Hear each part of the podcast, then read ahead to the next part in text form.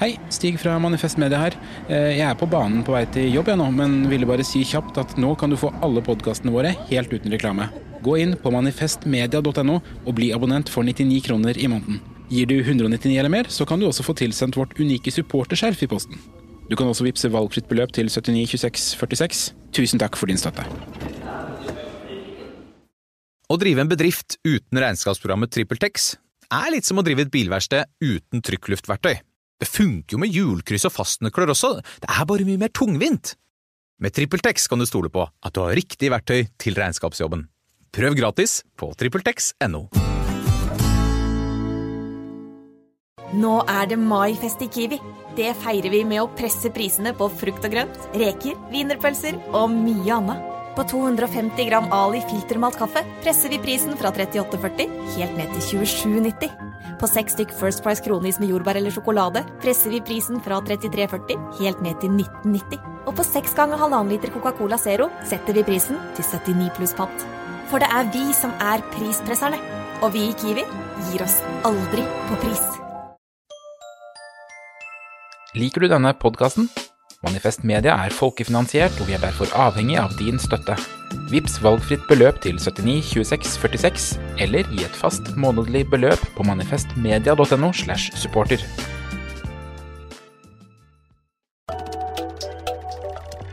Økotrim med Linn Stalsberg og Kalle Mone.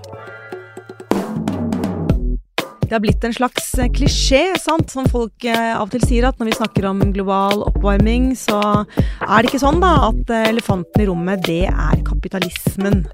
Hvis man tenker seg at kapitalisme er et system som har i sin kjerne at det alltid skal vokse og utvide seg, altså enten det er snakk om en skobutikk eller en palmeoljeplantasje, så skal man ta en større andel av markedene, da. Og eh, hvis det er kapitalismen som ødelegger jordkloden, må vi da kaste hele systemet, eller er kapitalismen så elastisk at den kan endres så mye at den også kan redde klimaet og jordkloden? Vi begynner vi, Kalle. Hei der borte. er det mulig, tenker du, å se for seg en fremtid med både kapitalisme og en fungerende bærekraftig jordklode? Det er mulig å se det for seg, men jeg er ikke sikker på om eh, prediksjonen er så veldig god. Men det er mulig å se det for seg. Jeg tror folk overdriver litt når eh, de sier det er enten-eller. Eh, kapitalismen er et veldig et veldig fleksibelt system. Og Grunnen til at du kan se det, det er at det er store variasjoner på, det, på økonomier som kaller seg selv kapitalistisk. Både Sverige gjør det, og USA, men det er enorme forskjeller på Sverige og USA. Og Det betyr det at uh, dette er system som kan tilpasses eller justere seg til uh, ulike forhold i verden. Så jeg vil, jeg vil si at i, i, første omgang så vil jeg si at, at det er mulig å kombinere de to hensynene, men det er mange ting det er andre reformer en må ta gjennomføre. F.eks. mindre ulikhet, større deltakelse, mer demokrati. Sånne ting som kan styrke hensynet til global oppvarming, miljøet i stort. Natur og miljø i stort. Men det er jo sånn at kapitalisme, altså selv om det er fleksibelt og elastisk og alle mulige ting, så har det jo en kjerne som handler om vekst, ikke sant? Eller, eller er det ikke sånn heller? Uh, det har vært sånn iallfall at, uh, at um, det har vært knyttet til vekst, og, og, det er liksom vekst og innovasjon, nye produkter, nye markeder. Det ekspansive, er det som Før så sa en litt sånn slagordspreget at, at enten så må kapitalismen løpe, eller så faller den. Så den, den kan, det er ikke noe mellom, mellomting mellom det. Er ikke like sikker eh, på at dette er verdens beste beskrivelse av det. Hvis du ser på klassiske økonomer på 1700-1800-tallet, eh, altså alt fra Adam Smith til eh, nesten til Karl Marx, altså John Stuart Mill eh, Dette er navn som sikkert noen kjenner, kanskje ikke alle, men eh, dette er eh, dette er gode gutter. Dette kan man eh, google opp og lese mer om. dette er gode gutter som eh, en kan godt vite litt om. De, de trodde jo at, at det kapitalistiske systemet ville stagnere på lang sikt. At, eh, at det, det, var ikke en, en, rosenrød beskrivelse de ga av den stagnasjonen, men de trodde det at, at, veksten ville tappes ut etter hvert. Det ville gå mot en, en tilstand der vanlige arbeidere ikke hadde så veldig høy levestandard, for befolkningsveksten ville liksom utvanne deres uh, levekår. Mens de som var de store seierherrene i deres uh, prediksjon, eller hva skal jeg si, det var, det var, de som eide jord, de som eide landeiendommer. De ville sitte igjen med en høy andel, for det var den knappe ressursen som alle var avhengig av. Og de ville sitte igjen med en stor andel av ressursene. Hvis du ser på verden som helhet i dag, så er det jo akkurat det som har skjedd. At det er de ressursrike landene, de med store oljeressurser, eller hva ressurser det måtte være, som sitter igjen med veldig mye av uh, gevinstene på verdensøkonomiens, uh, uh, av verdensøkonomiens utvikling utvikling. F.eks. i Gulfstatene. Norge vil være et eksempel. Men ta Gulfstatene. I, vil jo sitte igjen det vil, den midt, Midtøsten generelt er den delen av verden i dag med størst ulikhet. Eh, helt uh, uten sammenligning med andre deler av verden. Tidligere var det Latin-Amerika, men nå er det Midtøsten. Så det, det er, dette er jo ikke vekstøkonomier. Dette er økonomier som, som har uh, veldig ressurser og lever på de ressursene som egentlig er menneskehetens felles eie, burde det være. Det har vært et grunnleggende prinsipp for, for mange samfunnsreformatorer mm. i løpet av historien. Men de blir rike av å kontrollere og eie denne knappe ressursen. Så det er mitt første svar. Det at det, at det mange har tenkt som har vært opptatt av kapitalismen som system, har tenkt at dette er et system som på lang sikt vil stagnere. Det har jo ikke vært riktig, det som de klassiske økonomene tenkte på i andre sammenhenger. Dette har jo vært et system med veldig høy produktivitetsvekst. Veldig høy produktivitetsvekst som også har gått utover selvfølgelig global oppvarming, forurensing, beslaglegging av natur osv. Så, videre. så Så det har, vært, det har vært den konflikten har vært innebygd hele tiden. Så det er en jeg mener det, Hvis du ser på de store utslippene av global uh, av, av CO2 f.eks., som er, leder til global oppvarming For det første, de, de, de, største de landene som har utsluppet mest, i de, hvis du ser fra, fra industrielle revolusjon på 1700-tallet frem til i dag, de landene som desidert har sluppet ut mest, la oss si 80% av, av utslippene, det er i land som, der det bor mye mindre enn 20% av verdens befolkning. Mm. Og Det betyr at, at en liten gruppe en liten minoritet i verden har på en måte ødelagt livsgrunnlaget for den store majoriteten i verden. Og den lille minoriteten i verden de ønsker da liksom å tenke seg at nå skal vi begynne å kontrollere utviklingen alle steder, sånn at de andre ikke kan komme andre land kan komme til nå og begynne å grise til, akkurat sånn som deres eget land har gjort når de hadde fikk til en, en utvikling. Så det, det, er for det første en ulikhetsdimensjon mellom land, og det er også innad i land er det enorme. De store utslippene f.eks. i USA, de, de, store utslippene, de som, er, de som er, tilhører de 1% største utslippene i verden, de lever i USA eller i Canada. Mm. Eh, kanskje 80% av de store utslippene, kanskje litt mindre, 70 eh, tror jeg det siste tallet. Så 70% av de 1% største utslippene de er konsentrert i de rikeste landene. Så det er både en geografisk eh, dimensjon av problemet og en klassemessig dimensjon av problemet. Så alt dette peker på at dette er mer komplisert enn bare kapitalisme. Det har med ulikhet å gjøre, og ulike muligheter mellom land. Eh, vi skal komme litt tilbake til det, tror jeg. Eh, vi ja. får se hvor denne, hvor denne, episoden tar oss. Men, ja. men, jeg tenker liksom det er jo, liksom, Klima er én diskusjon, og så har du natur og miljø som selvfølgelig henger sammen med klima, men også er en annen, ikke sant. Og eh, jeg ser jo for meg, hvis du Det er jo sånn tenk, tenker i hvert fall jeg, da, som, som, ikke er økonom, at enten du liksom driver en kiosk eller et storselskap eller en, eller en plantasje, ikke sant, så er målet å hele tiden tjene mer. Det er ikke sånn at man tenker sånn Oi, i år gikk vi i null. Det var flott. Da trenger vi ikke å gjøre, å gjøre noe nytt neste år. Altså man, man vil jo Og det, og da liksom se hvordan dette, dette tankegodset som møter en jordklode, vil jo bety at du tar stadig liksom, større andeler av skog. Nå er det jo snakk om å bruke dyp vann, liksom, mineraler under, under bakken i dyp vann. Verdensrommet er jo utforska, at det liksom er sånn grenseløst eh, å, ta for seg jordas eh, naturressurser. Da, og det, det er liksom, liksom ubehagelig. Ja, det er et press i den retningen. Eh, nå, nå syns jeg ikke at systemer som har kalt seg eh, ikke-kapitalistiske, har vært noe særlig bedre på dette området enn eh, en systemer som har kalt seg kapitalistiske. Nå er det jo litt sånn at en velger å kalle seg litt det som passer best. Men i, i den grad f.eks. Kina har vært et, et sosialistisk system, iallfall tidligere var det, så er ikke det et, område av verden som har forurenset spesielt lite. Så jeg, jeg tror en må det, på dette området så kreves det intellektuell ærlighet, eh, tror jeg. Og, og en, det, det, det, er jo sjelden at dogmatikk hjelper eh, på noe område, men aller minst her. Eh, så jeg tror mye av verdens forurensning, hvis vi kunne snakke det i stor forstand, både beslaglegging av naturressurser og utslipp av skadelige stoffer, det er knyttet til materiell vareproduksjon.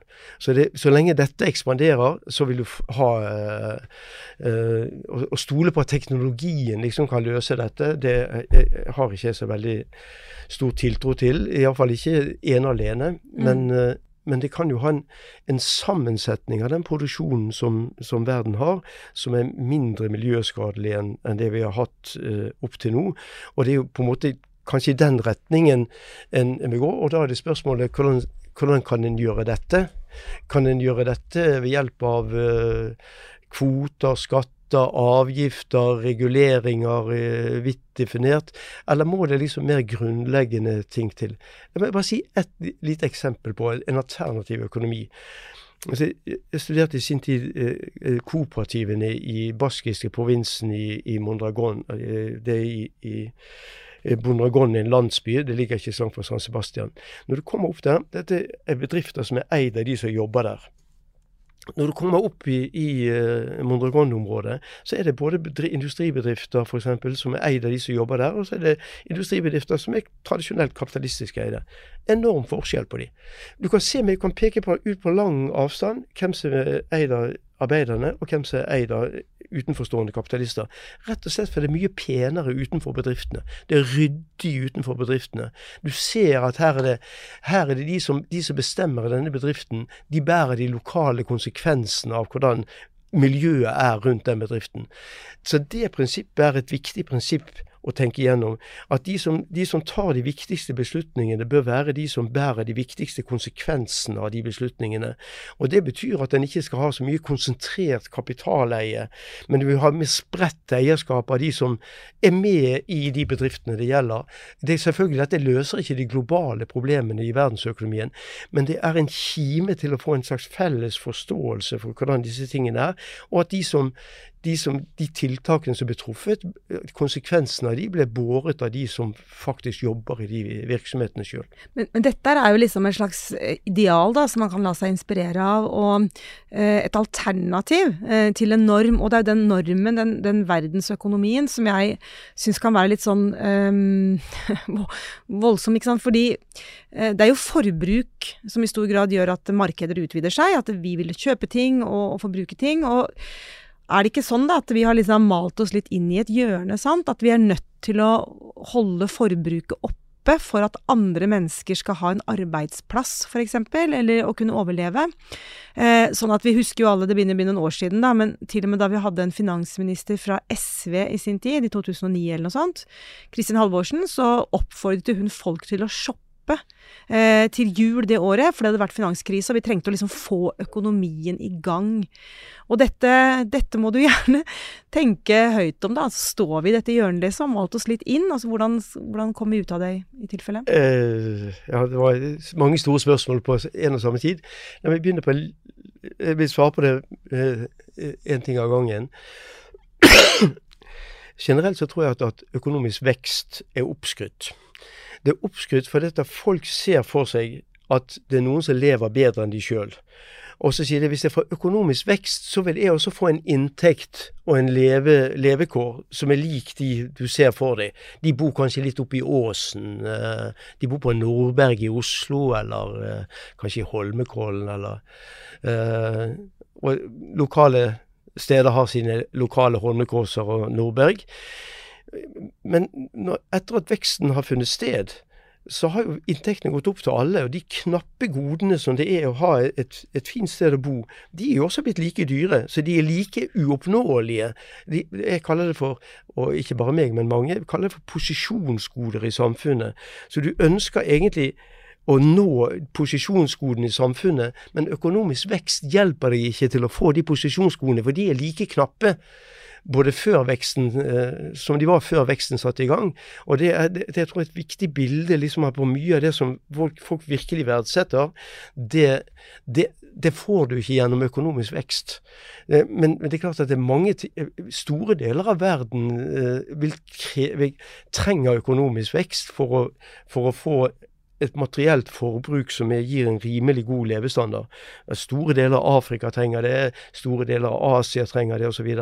Men vår del av verden trenger ikke mer materiell vareproduksjon for å eh, ha en god levestandard. Det som, det som folk virkelig verdsetter, tror jeg, det er ikke nødvendigvis flere kjøttkaker og, og, og mer materielle goder, men det er noen av de tingene som er vanskelig å oppnå uten omfordeling. Men hvordan skal du få til liksom, omfordeling da, i et uh, system som, um, som selger til de som kan kjøpe? Sant? Altså, det er jo ikke sånn at man deler ut f.eks. PC-er i verden til de som trenger det mest, eller iPhoner. Man, man, selger jo til de som har råd til å kjøpe det. Og da sitter jo sant, du og jeg og kjøper stadig nye mobiler, mens andre barn aldri fikk gå på skole via, via Zoom fordi de ikke hadde tilgangen til det andre steder i verden. Så ja, altså det er det store ulikhetsproblemet i verden. Altså, i, en markedsøkonomi så er det akkurat som de som Eh, deltar i markedsøkonomien, de har stemmesedler. Det er deres inntekt. Så de, de, kommer med sine stemmesedler. Hva skal vi produsere? Her skal vi produsere mer iPhoner. Og de, de som etterspør iPhoner eller hva det måtte være, de har da sin inntekt som er stemmesedlene for mange, mange, av disse tingene. Så hvis i den grad markedsøkonomien skulle være et representativt demokrati, at det skulle liksom gi folk mulighet til å ha individuelle ønsker oppfylt gjennom markedsøkonomien, så kan en ha, ha veldig stor ulikhet i inntekt. Da vil en jo ha en sammensetning av det som verdensøkonomien produserer, som vil være i tråd med interessene til de som uh, har den, den, den, sterkeste kjøpekraften. Det er klart at dette å få en virkelig radikal omfordeling i verden, både mellom land og innad i land, det er vi et stykke fra å få til. Men det, det i den retningen må gå for å få for å få til eh, det som ofte med et litt fint ord blir kalt for bærekraftig utvikling. Det er interessant, ikke sant? fordi jeg begynte med å spørre deg om klima, eh, som mm. jo er liksom tema for denne episoden. Men du kommer stadig vekk tilbake til ulikhet, og det syns jeg er kjempeinteressant. ikke sant? For hvorfor, liksom, for å si det, du, du, har jo allerede sagt det, men for å liksom oppsummere det du har sagt, da, hvorfor henger de to tingene så innmari tett sammen for deg? Jo, for det, det er Verden trenger en form for kollektiv rasjonalitet. Noe kollektiv fornuft for, for, vi skal redde en klode fra, fra uh, uh, å falle utfor stupet. Samtidig er vi på en klode der det er enorme forskjeller mellom uh, folk og folkegrupper og klasser. overalt er det store forskjeller. Innad i land, mellom land er det enorme forskjeller. Så kommer den rike delen av verden så sier de at ja, nå må vi ta oss sammen, sier vi til uh, fattige folk i, uh, i, Afrika eller i Asia eller hvor det måtte være. Nå må vi ta oss sammen, for ellers så blir det et helvete her på jord. Så ser de på det, så sier de bare det. Men helvete på jord, da har det vært lenge her. Det går ikke an å appellere til den måten hos oss, for vi, vi, er ikke i samme båt. Og Mange av de som sier dette, at, at vi skal redde kloden, de tenker på seg sjøl som en del av løsningen, men de er jo en del av problemet. Vi er en del av problemet. Viktigste, det viktigste slagordet i klimadebatten, at de rike deler av verden er problemet. Det, er vi som står for Det er vi som har stått for historisk for, for de store utslippene som er i ferd med å ødelegge verden. Og, og, vi kan ikke liksom pålegge andre land å være såkalt kollektiv fornuftig når ikke de føler at vi er ikke et kollektiv. Vi er ikke, vi er ikke i samme situasjon. Vi, ikke, vi, lever helt forskjellige liv. Så Derfor så er de to krisene veldig nært forbundet med hverandre. Det er veldig vanskelig å appellere til fornuft mellom folk som får veldig forskjellige konsekvenser av denne fornuften. Og at de, Den ene gruppen skal du fornekte da, at de skal få en materiell økning i levestandarden deres, eh, mens vi skal liksom leve som før. Eh, vi skal bare få til en, liksom en annen begrensning av disse tingene her. Så jeg, jeg, jeg syns dette er det store dilemmaet. Derfor så er ulikhet og miljøkrise bredt definert. Det er to sider av samme sak. Vi må endre, vi i den rike delen av verden må endre levemåte, eller kan fortsette som før i det grønne skiftet, eller den slags, det, det er det jeg lurer på nå i, i del to av denne episoden. Eh, og hvordan diskuteres eh, Jeg spør deg først, liksom, hvordan diskuteres vekst i økonomifaget i dag? sant? Altså Er det en markedsvekst, grønn vekst, eller? Ja, det, jeg tror det er litt av alt der som i andre fag og i andre miljøer. At uh, her er det litt forskjellige både holdninger og første reaksjon på problemet. Uh, først jeg vil si er at, at, at ordet bærekraft det det kom for fullt inn i, i vokabularet i politikken og i, i internasjonale organisasjoner gjennom eh, Gro Harlem Brundtland sin verdenskommisjon for vår felles fremtid, het den på norsk. Så det var en FN-kommisjon som hun ledet. Og det var veldig klart eh, Kanskje hun ikke sa det med de ordene jeg kommer nå til å bruke, men det var veldig klart i den, eh, i den eh, utredningen at bærekraftsbegrepet hadde to dimensjoner. Det ene kaller jeg for liksom den den vertikale horisonten Det er liksom den som går over mellom generasjoner. Fra den ene generasjonen til den andre. Og da tenker du liksom at, at den neste generasjonen skal liksom arve en klode som er minst like god som den som, uh, den som vi hadde når vi levde. Det er liksom den rettferdighet over generasjoner. Den andre er liksom den, den horisontale uh, dimensjonen av bærekraft. Og det er det at en må, en må fordele ting innenfor den nåværende generasjon, slik at, eh, at i prinsippet alle har det like bra. Selvfølgelig er det ikke noe sånt vi er i nærheten av, men det hadde den fattigdomsdimensjonen, den sosiale dimensjonen ved det.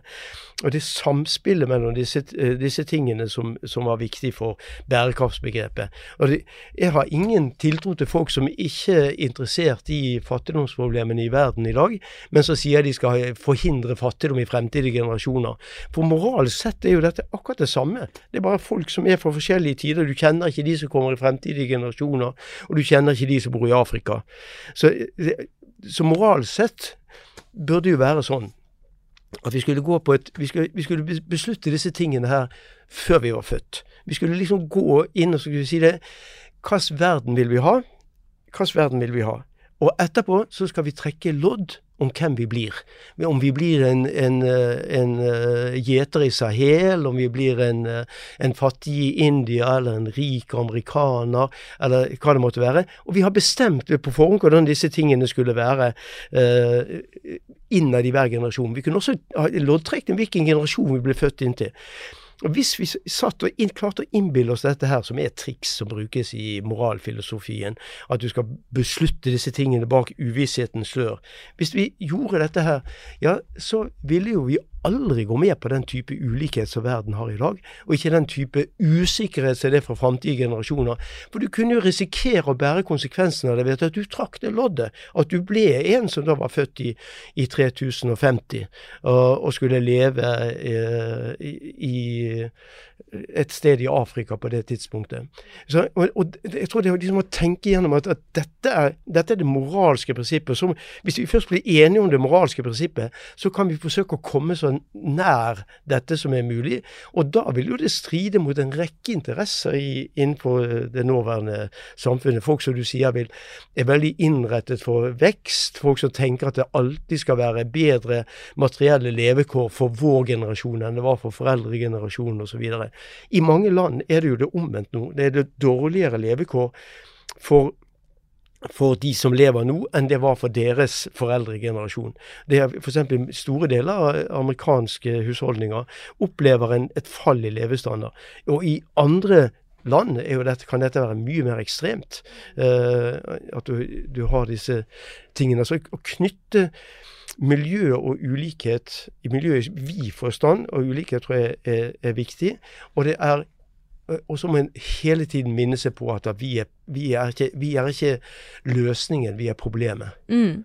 Eh, vi, vi, skal, vi, holder tanken om grønn vekst eh, til noen minutter. For jeg vil bare holde litt fast i dette bærekraftbegrepet. Sant? Fordi hvor, hvorfor sånn, sånn, som jeg forstår det, så virker det som ting på 1980-tallet gikk ganske ålreit for deler av klima- og miljøsaken. Sant? Og denne rapporten til Brundtland og begrepet bærekraft og bevisstgjøringen om det eh, kom på plass.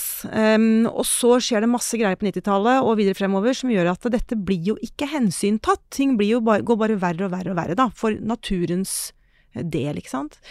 Hvorfor det? Sant? Og da er jo selvfølgelig min underliggende spørsmål er liksom den, den, markedsstyrte kapitalismen som da virkelig tro inn i full fart, liksom, på, da vi bikka 1990-tallet, har det en del av skylda for at vi ikke fikk til det bærekraftet, da? Ja, det er åpenbart at den økonomiske veksten har eh, kommet på områder som har, vært, eh, har hatt for, mye, for store utslipp, og at vi ikke har fått til noe som er i nærheten av uh, bærekraftig utvikling. Det vi har fått istedenfor, det er vi har fått mye kosmetikk. Næringslivskosmetikk som sier alt skal være liksom bærekraftig. Alle store bedrifter har bærekraftsdirektører. Uh, alle har hjemmesider uh, i, i, bedriftene som, som, innebærer at oljeselskaper aldri er i nærheten av olje. Equinor sin hjemmeside, der skinner solen hver dag, og de har alltid nystrøkne overaller. og og, og, himmelen er blå. Det, det, er liksom det er en kosmetikk rundt dette som har ødelagt hele det politiske begrepet. For dette er et rettferdighetsbegrep. Bærekraftig utvikling er et rettferdighetsbegrep.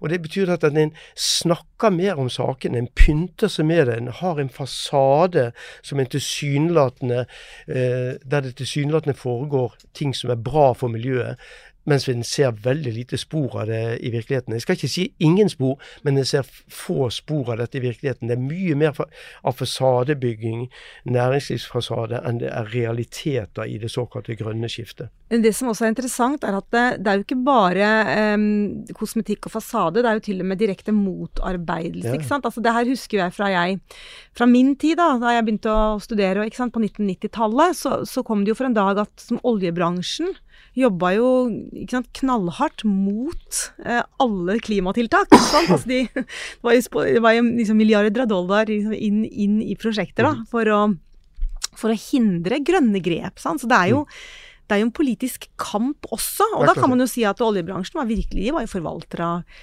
av kapitalismen, eller av det økonomiske systemet som ville ha mm. mer av naturressurser og mm. sånt. Husker du det? Ja, det husker jeg absolutt. Det er eh, et, et, viktig perspektiv å bli minnet på. Eh, så my, mye av Grunnen til at politikken er dårlig på mange av disse områdene, er at lobbyinteressene er veldig sterke. Vi merker det eh, selv her hjemme i Norge, men det er jo enda sterkere i, i andre land til å uh, forhindre at disse tingene uh, ikke skal gå ut, at det ikke skal bli andre hva skal jeg si, eh, in, konsekvenser når det gjelder inntektsfordeling og tap av interesser, som uh, eh, f.eks. store kapitalinteresser har. Men det er også, vi, vi må også ta vi, vi, etterspør jo materielle forbedringer sjøl. Uh, eh, og skal det få et bedre miljø, så må det også visse typer materielt forbruk må bli dyrere. Og du så jo protestene som var når bensinen begynte å bli dyrere.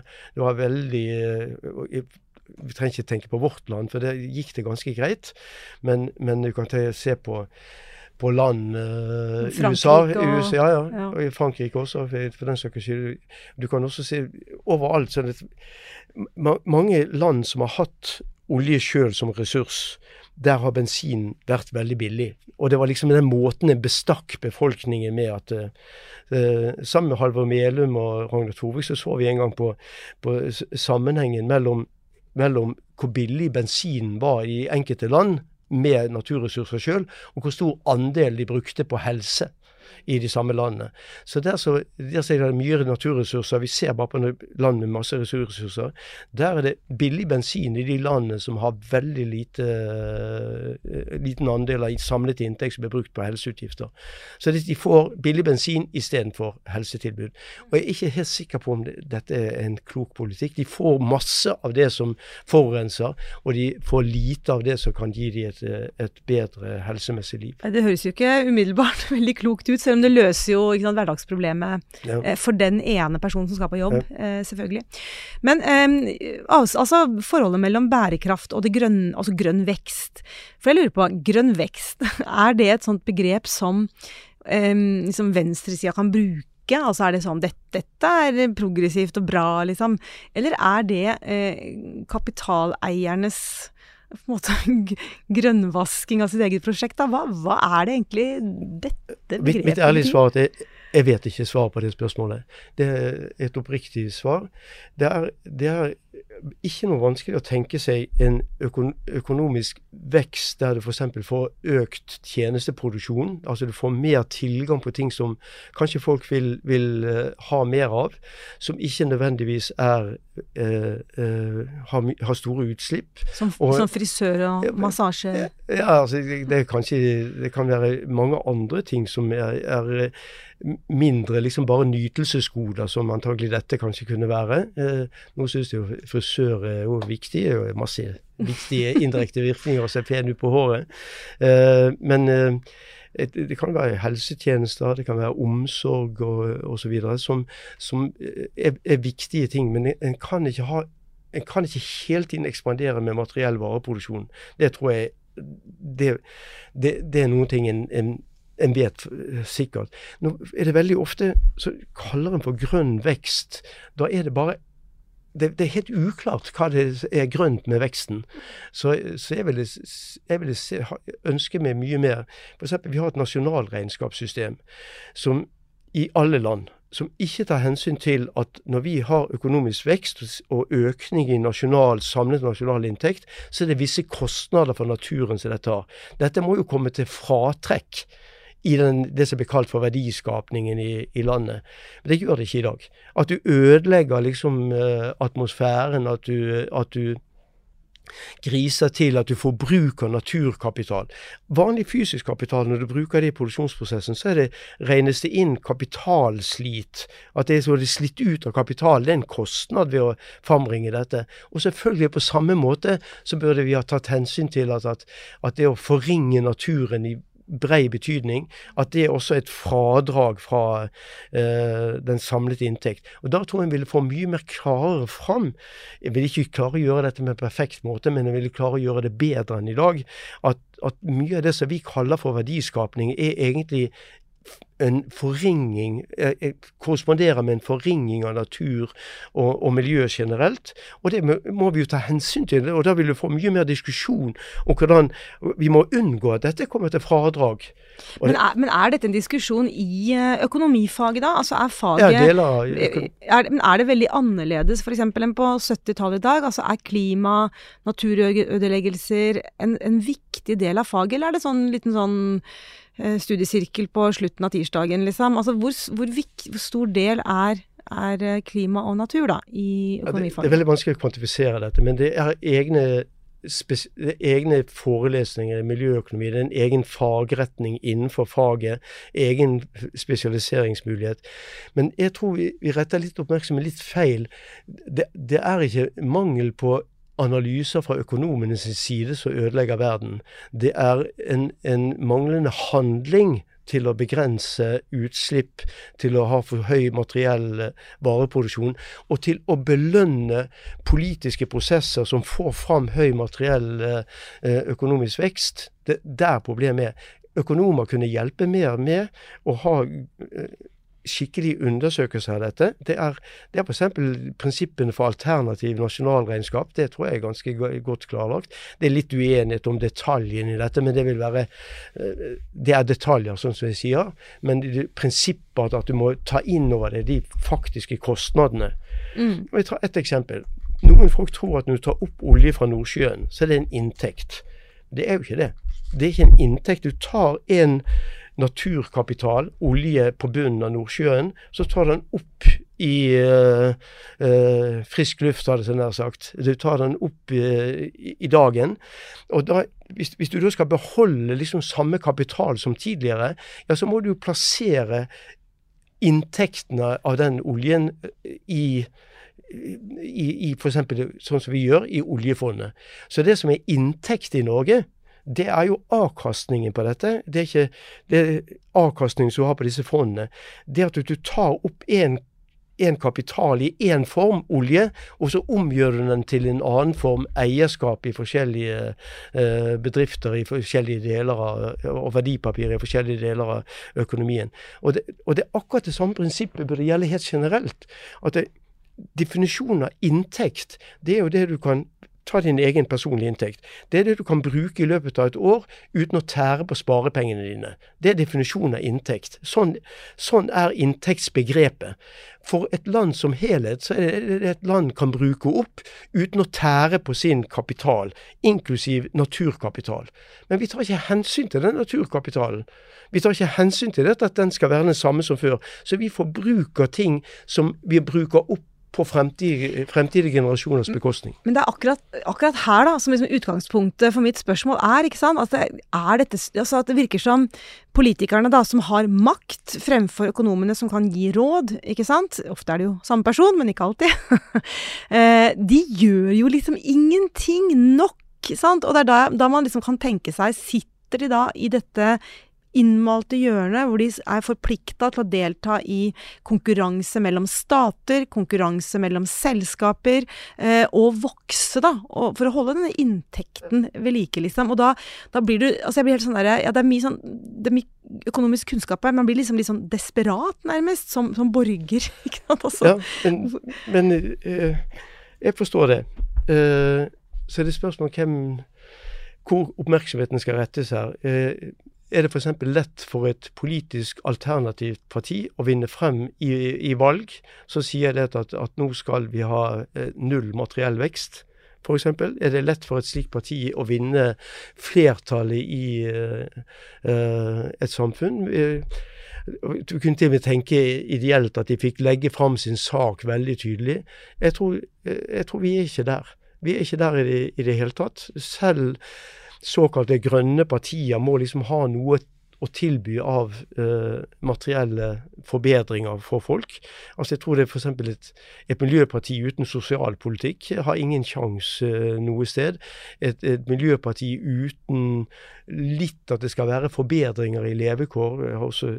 Så jeg tror det er to ting som er viktige. Det ene er bevisstheten om at det som vi tror er økt inntekt, egentlig er en forringing av Eh, levekårene bredt, bredere definert. Så tror jeg at en, ser sagt noe gjentatte ganger, at vi også må se på oss sjøl som et problem for resten av verden. At vi, vi, har en levestandard i vår del av verden som ikke verdens befolkning kan ha. Det, det tåler ikke denne kloden her. Og da, Det første vi må begynne med, det er i hvert fall å ha et perspektiv på dette. At vi skal ned i levestandard, mens andre deler av verden kanskje skal opp.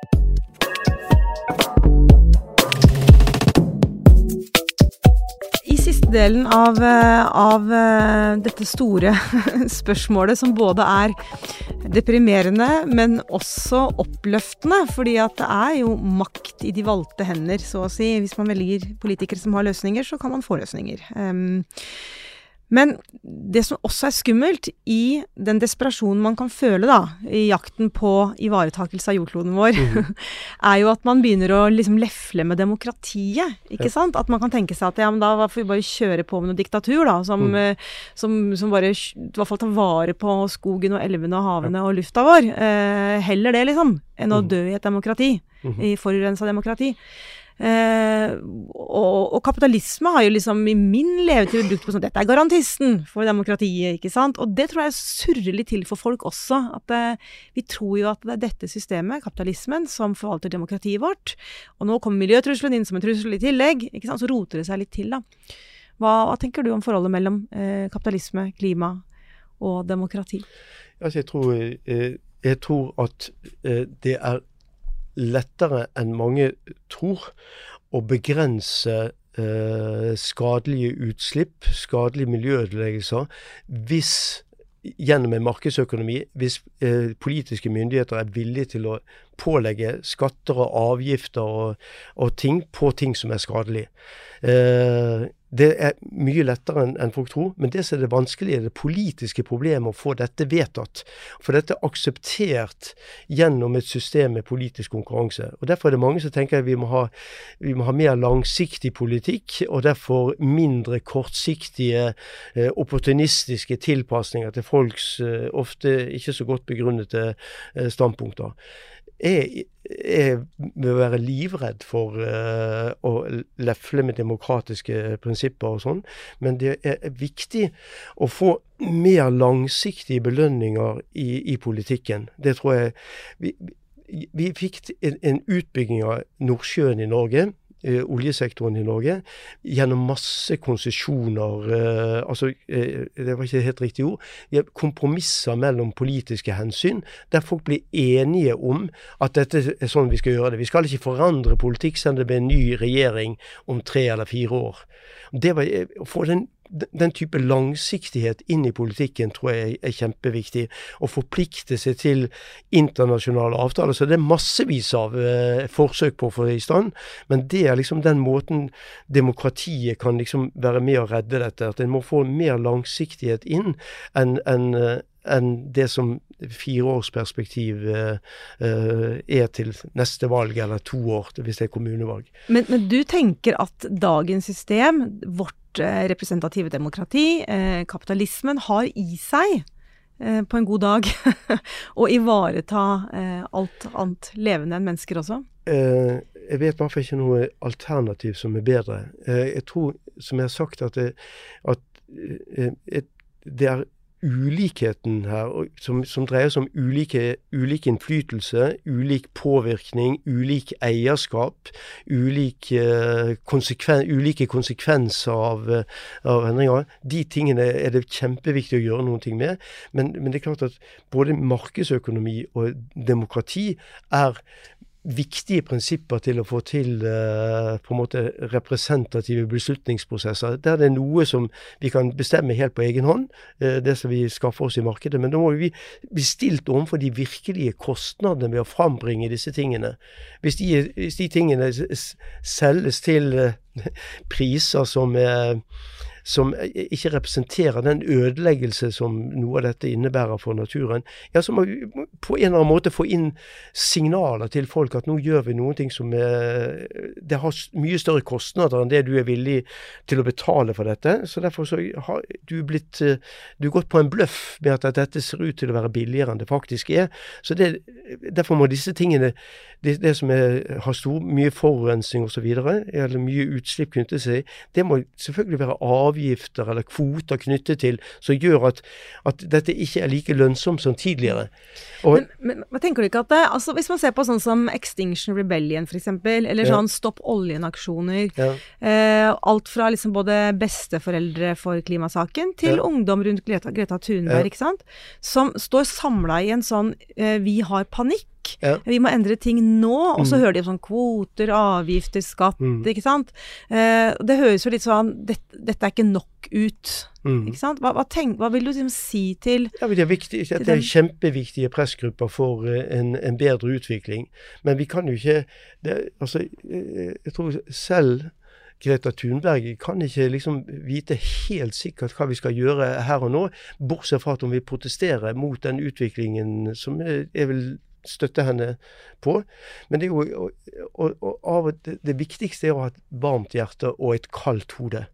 Altså det, sånn det er mye lett, I noen sammen, miljøsammenhenger så er, å ha et varmt hjerte er mye lettere, men det kalde hodet mangler av og til til å finne gode løsninger som i seg sjøl kan opprettholdes over tid, og som folk er villige til å uh, sette ut, ut, i livet. Og Derfor er det disse gruppene som du nevnte, det er kjempeviktig for bevisstgjøringen av, av, eh, tiltakene. Og det vil gjøre det kostbare for, mye mer kostbart for politikere å, å treffe dumme beslutninger i framtiden. For nettopp fordi du har så mye at noen vil protestere og skrike opp mot dette. Sosial organisering er kjempeviktig her. Eh, jeg tror også at det er andre ordninger hvordan hvordan eh, folk skaffer sin egen inntekt. Hvis du skaffer din egen inntekt på en sånn måte at, det, at, at inntekten din kan ikke stige hvis denne inntekten er knyttet til ting som er sterkt forurensende. Er, da, da vil det er en annen bevissthet som, som, gjør seg gjeldende i sånne tilfeller. Jeg må ta et lite eksempel. Hvis det, jeg, jeg har snakket flere ganger i denne podkasten om at, å ha en grunninntekt i samfunnet. Hvis du hadde en grunninntekt som var en andel av et sånt alternativt nasjonalinntektsbegrep, det som tok hensyn til, til uh, all eh, skade som var eh, naturmessig skade, i, i, prinsippet tok hensyn til det, eh, så ville du ha det at du bare fikk en belønning gjennom den grunninntekten hvis det var en miljømessig riktig eh, eh vei som produksjon og inntektsdanning eh, tar.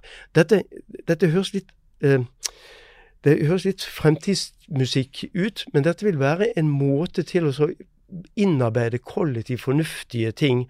At, du får, at, du, at folk har en felles interesse i at det du kunne kalle for samfunnsdividenden eller samfunnsbonusen som du fikk i form av grunninntekt, hvordan den var knyttet til om det var forurensende produksjon eller ikke forurensende produksjon. Der forurensende produksjon ikke ville gi det, eh, denne samfunnsinntekten, mens, eh, mens uh, noe ting som var mer miljøvennlig, ville gi det. Og det, det, det, er, det er sånne ting jeg må tenke på hvordan vi kan komplementere demokratiet med sosiale institusjoner og, og belønninger for den enkelte, så de ser sammenhengen mellom eget forbruk, egen inntekt og ødeleggelse av verden. Jeg syns både ting som grunninntekt og en kortere arbeidsdag eller arbeidsuke, lenge ferie, det er mye man kan få i belønning annet enn en penger, da. Mm. Men bare for å oppsummere, så høres det ut for meg som, som Jeg vokste opp med liksom dette slagordet som 'en annen verden er mulig', ikke sant. Og i det så ligger det ganske mange mm. radikale grep, da. Men det kan nesten høres ut som du sier liksom en annen kapitalisme er mulig. Ja. Det vil si. Du vil si det? Ja. det da... vil si. Altså, unnskyld, nå avbrøt jeg spørsmålet litt. Men eh, jeg vil si at en, en annen markedsøkonomi er mulig. Det, det, jeg vil tro at en veldig konsentrerte kapitaleierinteresser, det er veldig vanskelig å, å, få til til en miljøvennlig utvikling. Men en, mindre, en større grad av spredning Jeg nevnte de kooperativene i, i Mondragon, der det lokale miljøhensyn blir tatt hensyn til direkte i beslutningene i bedriftene. For de eier det, og de bor der. Det er en veldig stor forskjell på det om de eier der og bor der, eller om de, de som eier det, bor et helt annet sted. De bor helt, kanskje et helt annet land. Sant? Og det er, det er, å spre eierskapet til at, at, at, de som treffer de viktige beslutningene, også de som bærer beslutningene av dette. Det er ikke så lett å få til for verdensøkonomien, altså utslippene som helhet. Men det hjelper det som er små seire på miljøområdet kan lede til større bevissthet om de viktige miljøproblemene. Og de, i, i, miljødebatten så har det vært altfor mye sånn forjævlighetsdiskusjon. Sånn at det, det, er aldri det er aldri liksom noen som sier oi, her, her, fikk vi til noen ting, vi kan gå mer i den retningen. Så er det et område som trenger små og store seire. Selvfølgelig trenger de de aller største seirene, så er det miljø. Men de, de små seirene legger grunnlaget for de store. Det tror jeg er viktig. Um, vi hører jo begrep som nullvekst og nedvekst, og det er jo sånne rare ord som høres ut som de har innbakte motsetninger i seg. Um, men, men, hva er egentlig det, og er det en del av kapitalismen, eller en kritikk av kapitalismen, eller hva tenker du, Kalle? Ja, det er vel mer en kritikk enn en del av uh, det kapitalistiske markedssystemet. Eh, jeg er heller ikke sikker på hva som menes f.eks. med ordet nedvekst i alle sammenhenger. Det kunne kanskje bety at en skal ha negativ vekst, at en skal ha mindre og mindre materiell vareproduksjon f.eks., som kan være fornuftig for noen deler av, av verdensøkonomien. men antagelig ikke for helheten. Det er noen som trenger mer materiell vekst, eh, og derfor bør opp uh, i tilgangen til ting som kan forbedre leveforholdene der. Men uh, la oss holde oss til vår del av verden. Så Nullvekst er antagelig noe som er lett å forstå, men det, jo, det kan jo godt være vekst i, i, ting. En fornuftig vekst kan godt innebære at en har vekst i tjenester og omsorgsyrker, at en har ting som ikke er uh, så forurensende eller har så mye skadelig utslipp i seg. Så, så det å liksom ha er mer slags um, gode slagord, antagelig, for å få en mer økt miljøbevissthet. Det er mange spørsmål en kan stille seg. Det er f.eks. sånn kan vi med lav eller negativ vekst eller null vekst, kan vi samtidig få tilgangen til nye varer som vi gjerne vil ha. Eh, ofte innovasjoner, altså at det er nye utforminger av et produkt, eller helt nye produkter som vi gjerne vil ha, som er viktig for oss. Kan vi få dette til til å være markedsmessig lønnsomt, eh, selv om vi ikke skal ekspandere, øke i kvantum når det gjelder produksjon av disse tingene? Der tror jeg mye av eh, et problem ligger. Mange vil ha nye varianter av ting som de ser at andre folk i andre land får. Kan vi få dette uten å ha noe uh, I hvert fall ha stor skadelig økonomisk vekst. Og der tror jeg jeg er litt usikker på om vi i det hele tatt kan få dette til. Og det vil være en kostnad. Men jo mer bevisst vi er på dette, jo, jo lettere er det å få til at vi må ned i ned i materielt forbruk for visse ting, hvis vi skal få det som vi liker godt. Uh, nye varianter og nye produkter som vi syns kan tjene gode formål i livene våre. Det tror jeg er viktig. Men det som den viktigste meldingen tror jeg til miljøaktivister er jo sånn at, at, at det er ikke bare en, en, sentralisering av alle beslutninger som kan få dette til. At det er noen som skal være en miljødiktator som skal gjøre dette. Det kan være at vi kan få det til med en mer desentralisert måte, der det er at vi kan kjøpe ting i markeder, men da må det være de virkelige omkostningene som ligger bak de forskjellige produktene, som kan lede til at vi får mer gjenbruk og mindre materielt forbruk, men samtidig få økninger av de tingene som alt i alt kan skape bedre liv for de fleste. Men liksom, hvor, hvor fantasirikt er det da inne på Økonomisk institutt på, på universitetet, liksom, eller på, på handelshøyskolene? Altså, eh, hvor mye snakkes det om eh, helt andre måter da, å tenke vekst på. Altså, nå sitter jeg og du her og drodder liksom i en podkast, men hvor mye er det en reell debatt blant dere økonomer som, som kan rådgi politikerne til andre systemer?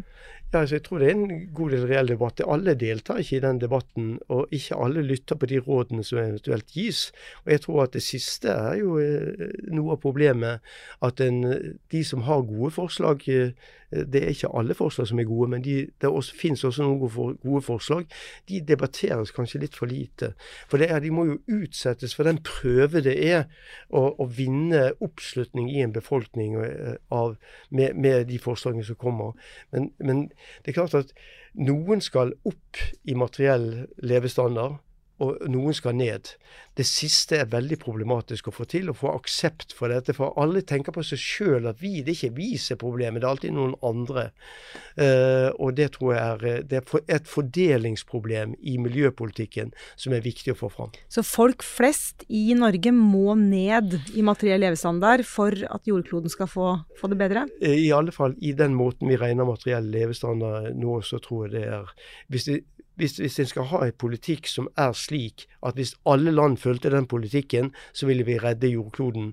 Da skal en majoritet i Norge ned i levestandard eh, som en konsekvens av dette. At det ikke hjelper selvfølgelig ikke at bare vi gjør det, men hvis, hvis du kan ha en politikk som skal være konsistent med at alle land føler en likende, likende politikk, så er det så store deler av verden som skal opp i levestandard at vi, en majoritet hos oss, skal ned. Men det betyr ikke at de aller dårligst stilte skal ned. Det godt være at de skal være i den gruppen som skal opp. Miljøproblemet har både en, fordelings, eh, en fordelingsaspekt mellom land og innad i land. Og det er omfordeling i begge retninger som må til. Det er mange ting å tenke på etter en episode med så store temaer som eh, klima og eh, kapitalisme. Og hvis jeg skal ta med meg tre ting ut av denne episoden som jeg kommer til å huske, så tror jeg det er disse tre tingene. Én eh, at det å hindre ulikhet innad i land og på tvers av land er en del av den samme samtalen vi må ta når vi skal snakke om å hindre klimakriser og miljøkatastrofer. Um, Punkt to er kanskje den vanskeligste karamellen å svelge, og det er at de fleste av oss i Norge og vår del av verden, vi er en del av problemet når det gjelder klima og miljø. Og de aller fleste av oss må ned i levestandard om eh, vi skal ha en bærekraftig jordklode. Um, og for det tredje uh, så mener eh, Kalle at Kapitalismen er såpass fleksibel som, eh, som system, eh, og dermed har eh, den også mulighet til å være et system som kan ivareta klima og miljø. Og det er det sikkert sånn, liksom, litt sånn delte, delte meninger om, da. Men siden kapitalismen pågår som bare det rundt oss, så kan vi jo tillate oss å, å håpe at Kalle kanskje har litt grann rett.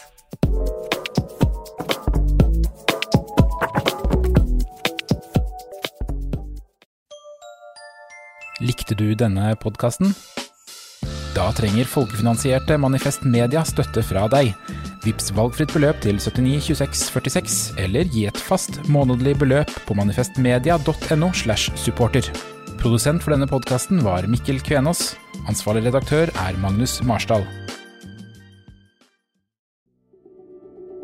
Du har hørt en podkast fra Manifest Media. Vi er folkefinansiert og avhengig av din støtte. Gå inn på manifestmedia.no og bli supporter, eller vips valgfritt beløp til 79 26 46. Ansvarlig redaktør er Magnus Marsdal.